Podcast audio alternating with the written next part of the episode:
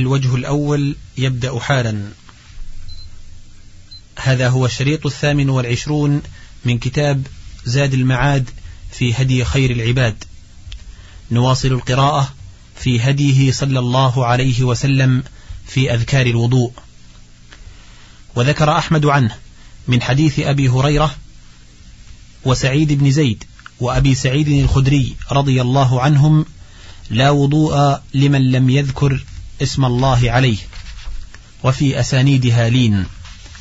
وصح عنه صلى الله عليه وسلم أنه قال من أسبغ الوضوء ثم قال أشهد أن لا إله إلا الله وحده لا شريك له وأشهد أن محمدا عبده ورسوله فتحت له أبواب الجنة الثمانية يدخل من أيها شاء ذكره مسلم. وزاد الترمذي بعد التشهد اللهم اجعلني من التوابين واجعلني من المتطهرين. وزاد الإمام أحمد ثم رفع نظره إلى السماء. وزاد ابن ماجه مع أحمد قول ذلك ثلاث مرات.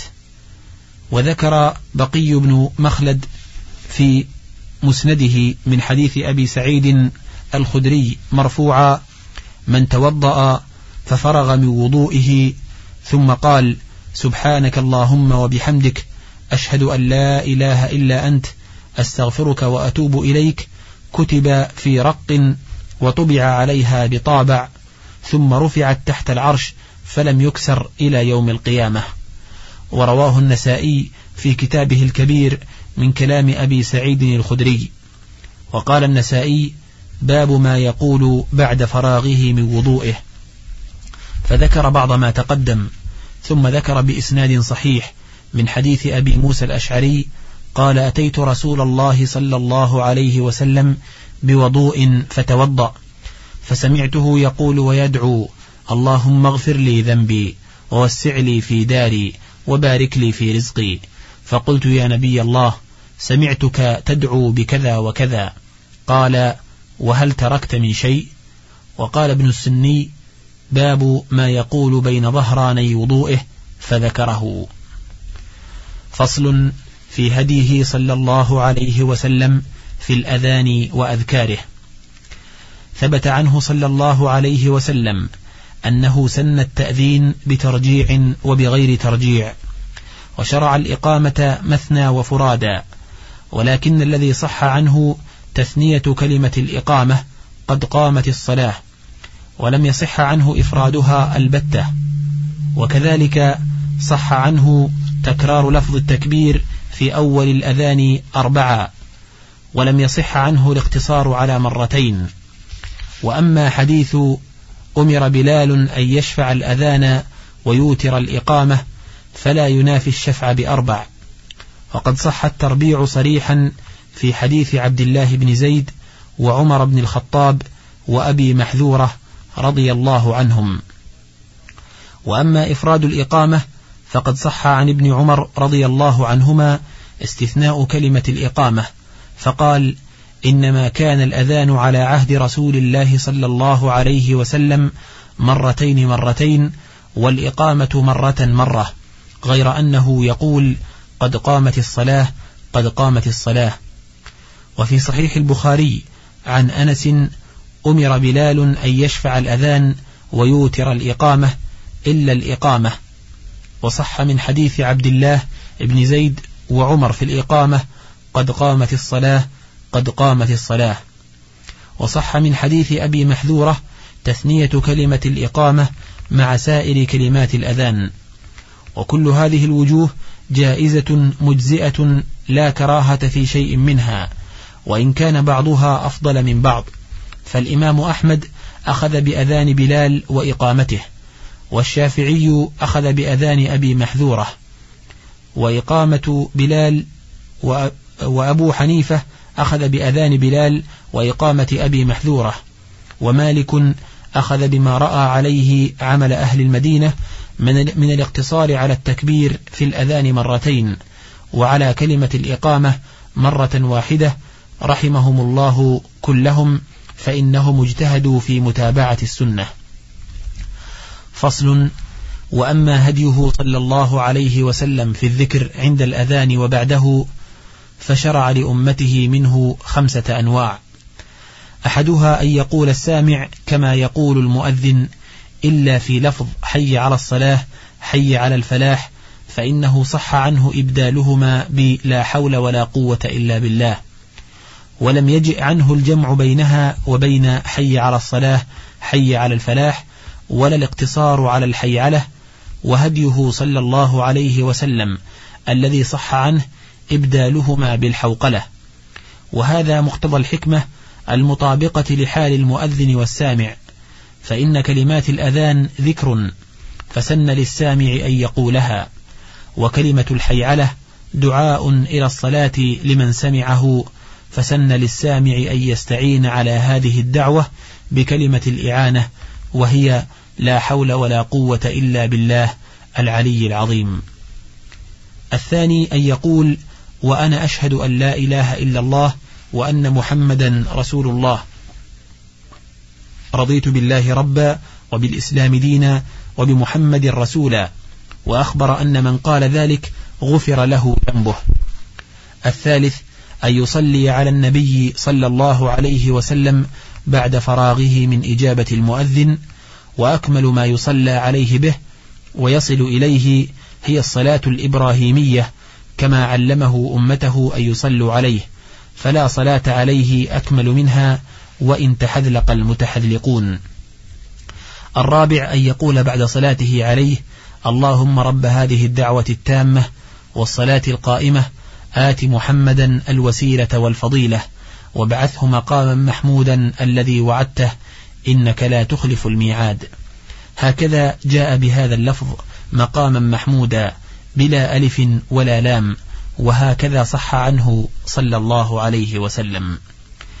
الخامس أن يدعو لنفسه بعد ذلك ويسأل الله من فضله فإنه يستجاب له كما في السنن عنه صلى الله عليه وسلم قل كما يقولون يعني المؤذنين فإذا انتهيت فسل تعطه.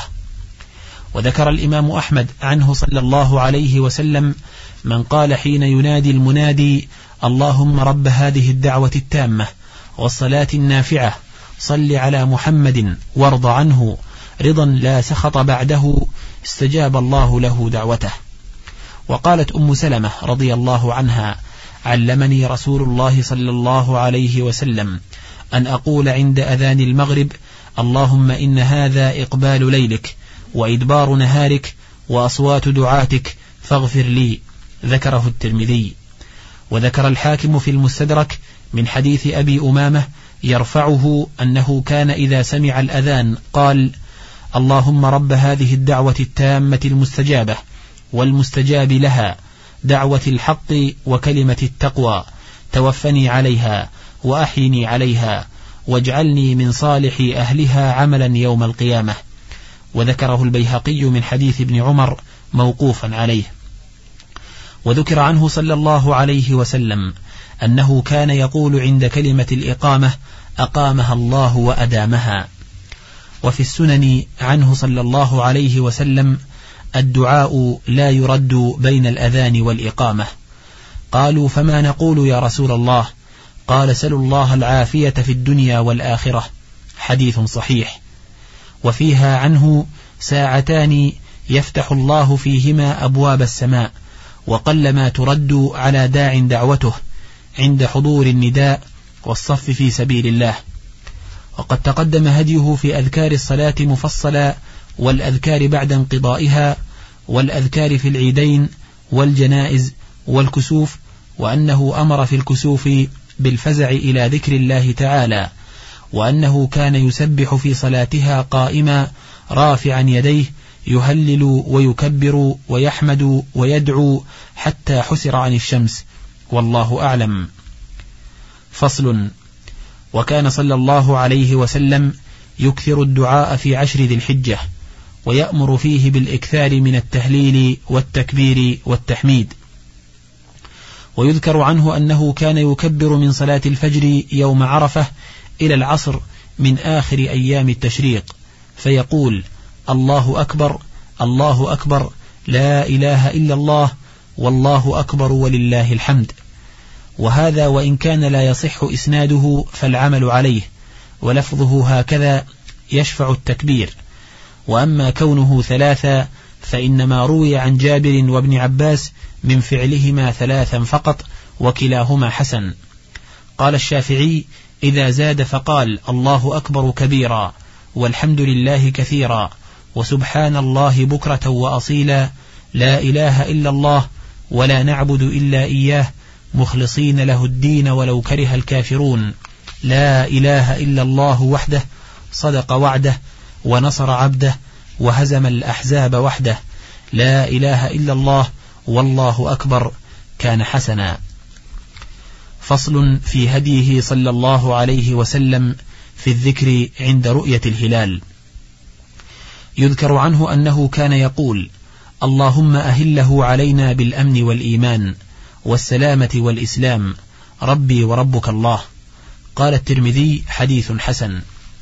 ويذكر عنه أنه كان يقول عند رؤيته الله أكبر اللهم أهله علينا بالأمن والإيمان والسلامة والإسلام والتوفيق لما يحب ربنا ويرضى ربنا وربك الله ذكره الدارمي.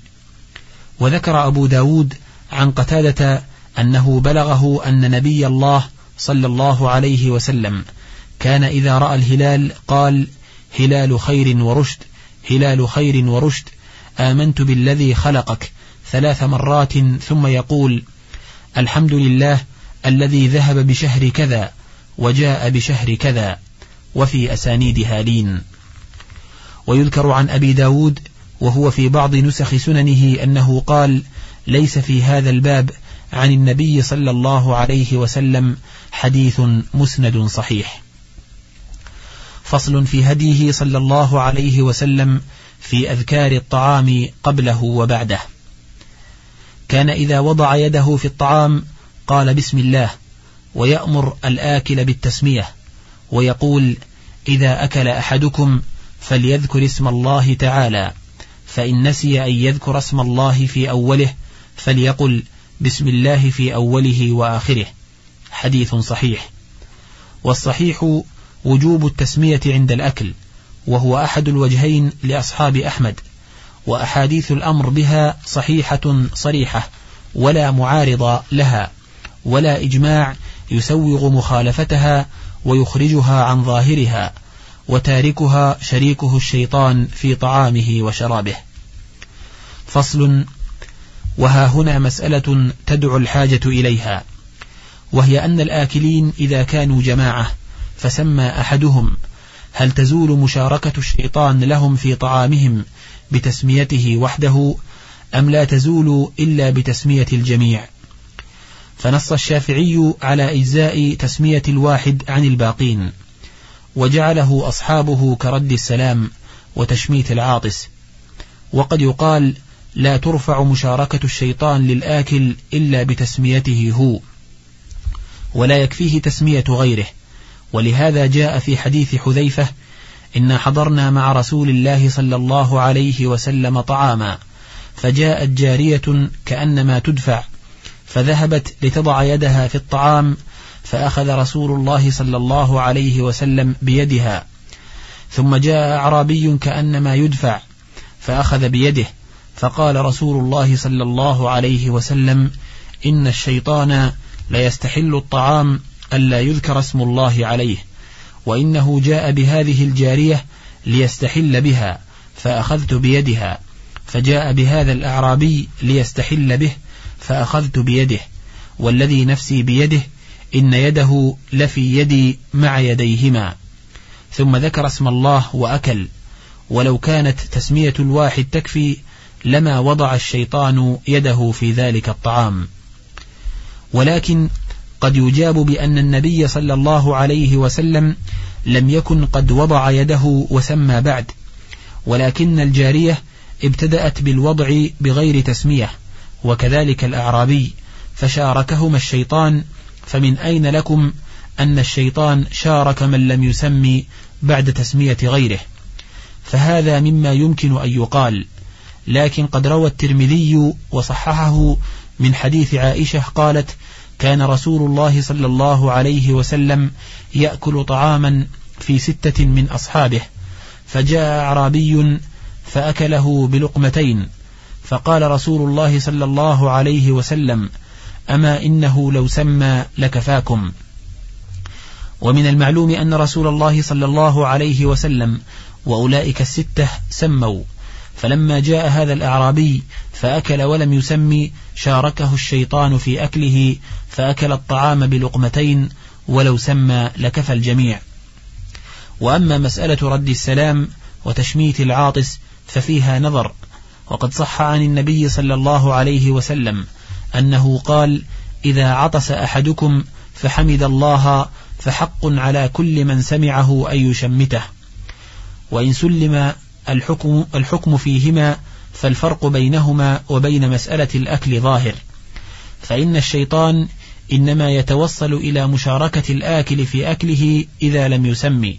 فإذا سمى غيره لم تجز تسمية من سمى عمن لم يسمي في مقارنة الشيطان له فيأكل معه بل تقل مشاركة الشيطان بتسمية بعضهم وتبقى الشركة بين من لم يسم وبينه والله أعلم. ويذكر عن جابر عن النبي صلى الله عليه وسلم من نسي أن يسمي على طعامه فليقرأ قل هو الله أحد إذا فرغ. وفي ثبوت هذا الحديث نظر. وكان إذا رفع الطعام من بين يديه يقول الحمد لله حمدا كثيرا طيبا مباركا فيه غير مكفي ولا مودع ولا مستغنى عنه ربنا عز وجل ذكره البخاري. وربما كان يقول الحمد لله الذي أطعمنا وسقانا وجعلنا مسلمين. وكان يقول الحمد لله الذي أطعم وسقى وسوغه وجعل له مخرجا. وذكر البخاري عنه أنه كان يقول الحمد لله الذي كفانا وآوانا وذكر الترمذي عنه أنه قال من أكل طعاما فقال الحمد لله الذي أطعمني هذا من غير حول مني ولا قوة غفر الله له ما تقدم من ذنبه حديث حسن. ويذكر عنه أنه كان إذا قرب إليه الطعام قال بسم الله فإذا فرغ من طعامه قال اللهم أطعمت وسقيت وأغنيت وأقنيت وهديت وأحييت فلك الحمد على ما أعطيت وإسناده صحيح.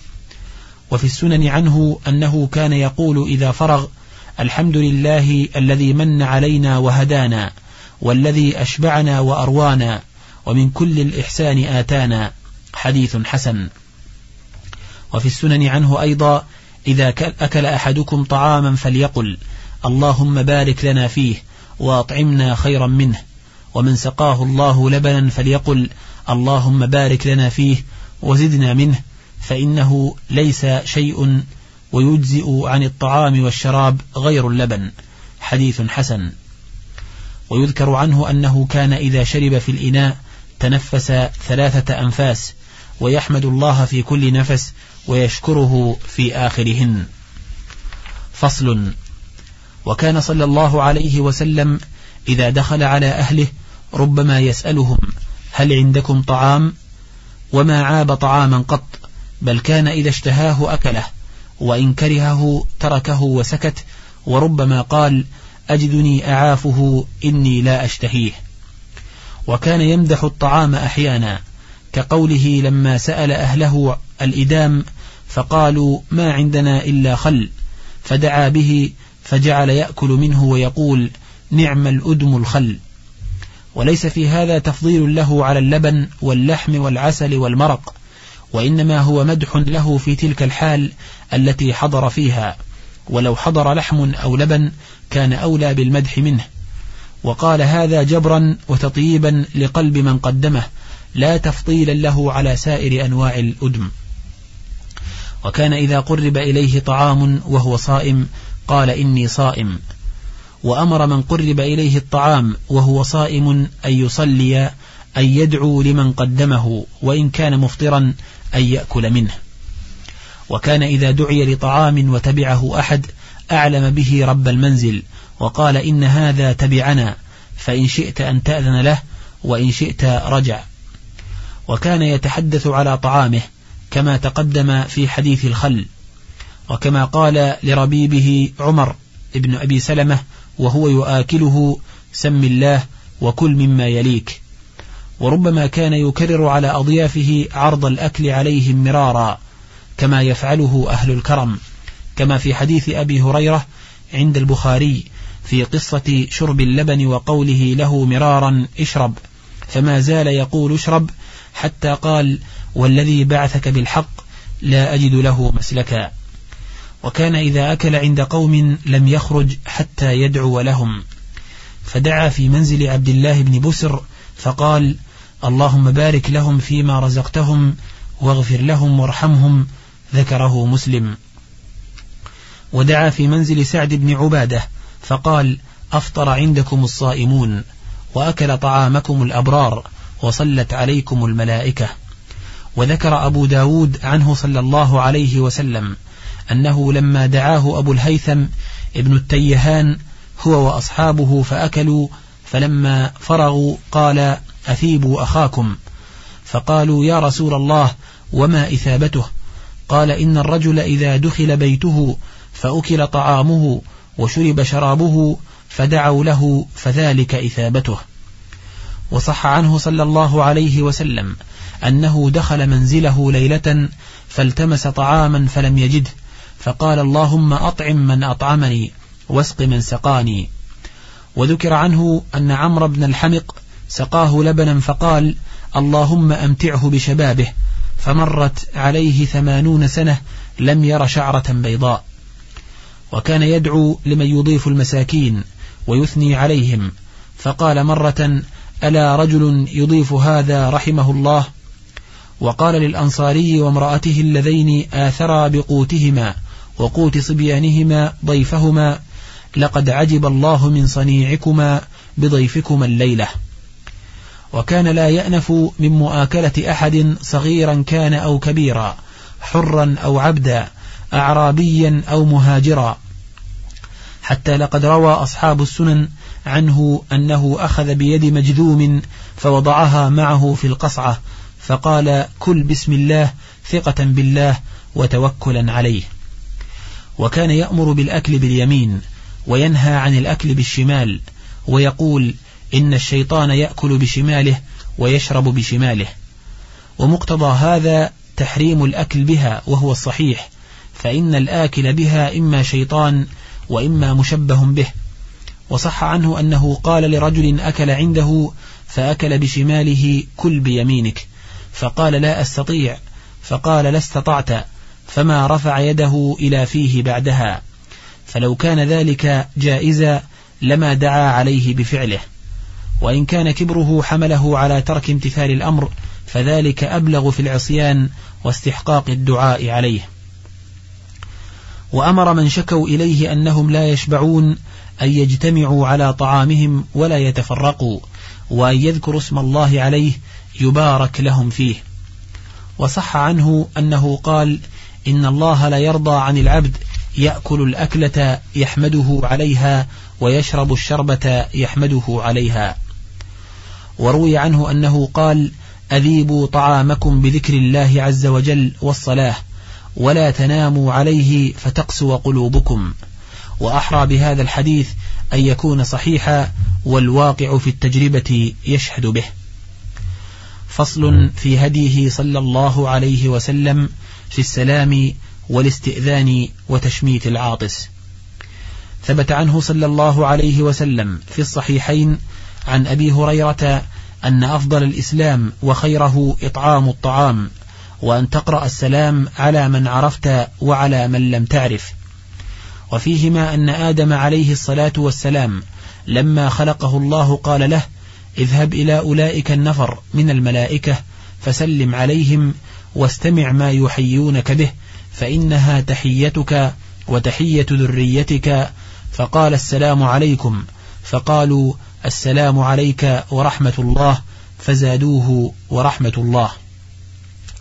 وفيهما أنه صلى الله عليه وسلم أمر بإفشاء السلام وأخبرهم أنهم إذا أفشوا السلام بينهم تحابوا وأنهم لا يدخلون الجنة حتى يؤمنوا ولا يؤمنون حتى يتحابوا.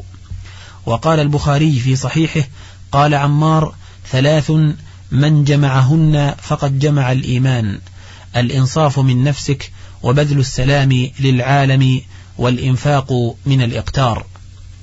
وقد تضمنت هذه الكلمات أصول الخير وفروعه فإن الإنصاف يوجب عليه أداء حقوق الله كاملة موفرة وأداء حقوق الناس كذلك وألا يطالبهم بما ليس له ولا يحملهم فوق وسعهم ويعاملهم بما يحب أن يعاملوه به ويعفيهم مما يحب أن يعفوه ويحكم لهم وعليهم بما يحكم به لنفسه وعليها. ويدخل في هذا إنصافه نفسه من نفسه فلا يدعي لها ما ليس لها ولا يخبثها بتدنيسه لها وتصغيره إياها. وتحقيرها بمعاصي الله وينميها ويكبرها ويرفعها بطاعة الله وتوحيده وحبه وخوفه ورجائه والتوكل عليه والإنابة إليه وإيثار مرضاته ومحابه على مراض الخلق ومحابهم. ولا يكون بها مع الخلق ولا مع الله بل يعزلها من البين كما عزلها الله. ويكون بالله لا بنفسه في حبه وبغضه وعطائه ومنعه وكلامه وسكوته ومدخله ومخرجه فينجي نفسه من البين ولا يرى لها مكانة يعمل عليها فيكون ممن ذمهم الله بقوله اعملوا على مكانتكم فالعبد المحض ليس له مكانة يعمل عليها فإنه مستحق المنافع والأعمال لسيده ونفسه ملك لسيده فهو عامل على أن يؤدي إلى سيده ما هو مستحق له عليه ليس له مكانة أصلا بل قد كوتب على حقوق منجمة كلما أدى نجما حل عليه نجم آخر ولا يزال المكاتب عبدا ما بقي عليه شيء من نجوم الكتابة. والمقصود أن إنصافه من نفسه يوجب عليه معرفة ربه وحقه عليه ومعرفة نفسه وما خلقت له وألا يزاحم بها مالكها وفاطرها ويدعي لها الملكة والاستحقاق ويزاحم مراد سيده ويدفعه بمراده هو أو يقدمه ويؤثره عليه أو يقسم إرادته بين مراد سيده ومراده وهي قسمة ضيزى مثل قسمة الذين قالوا هذا لله بزعمهم وهذا لشركائنا فما كان لشركائهم فلا يصل إلى الله وما كان لله فهو يصل إلى شركائهم ساء ما يحكمون. فلينظر العبد لا يكون من أهل هذه القسمة بين نفسه وشركائه وبين الله لجهله وظلمه وإلا لبس عليه وهو لا يشعر. فإن الإنسان خلق ظلوما جهولا فكيف يطلب الإنصاف ممن وصفه الظلم والجهل؟ وكيف ينصف الخلق من لم ينصف الخالق. كما في أثر, أثر إلهي يقول الله عز وجل ابن آدم ما أنصفتني خيري إليك نازل وشرك إلي صاعد كم أتحبب إليك بالنعم وأنا غني عنك وكم تتبغض إلي بالمعاصي وأنت فقير إلي ولا يزال الملك الكريم يعرج إلي منك بعمل قبيح. وفي أثر آخر ابن آدم ما أنصفتني خلقتك وتعبد غيري وأرزقك وتشكر سواي. ثم كيف ينصف غيره من لم ينصف نفسه؟ وظلمها أقبح الظلم وسعى في ضررها أعظم السعي ومنعها أعظم لذاتها من حيث ظن أنه يعطيها إياها فأتعبها كل التعب وأشقاها كل الشقاء من حيث ظن أنه يريحها ويسعدها. وجد كل الجد في حرمانها حظها من الله وهو يظن أنه ينيلها حظوظها ودساها كل التدسية وهو يظن أنه يكبرها وينميها وحقرها كل التحقير وهو يظن أنه يعظمها فكيف يرجى الإنصاف ممن هذا إنصافه لنفسه؟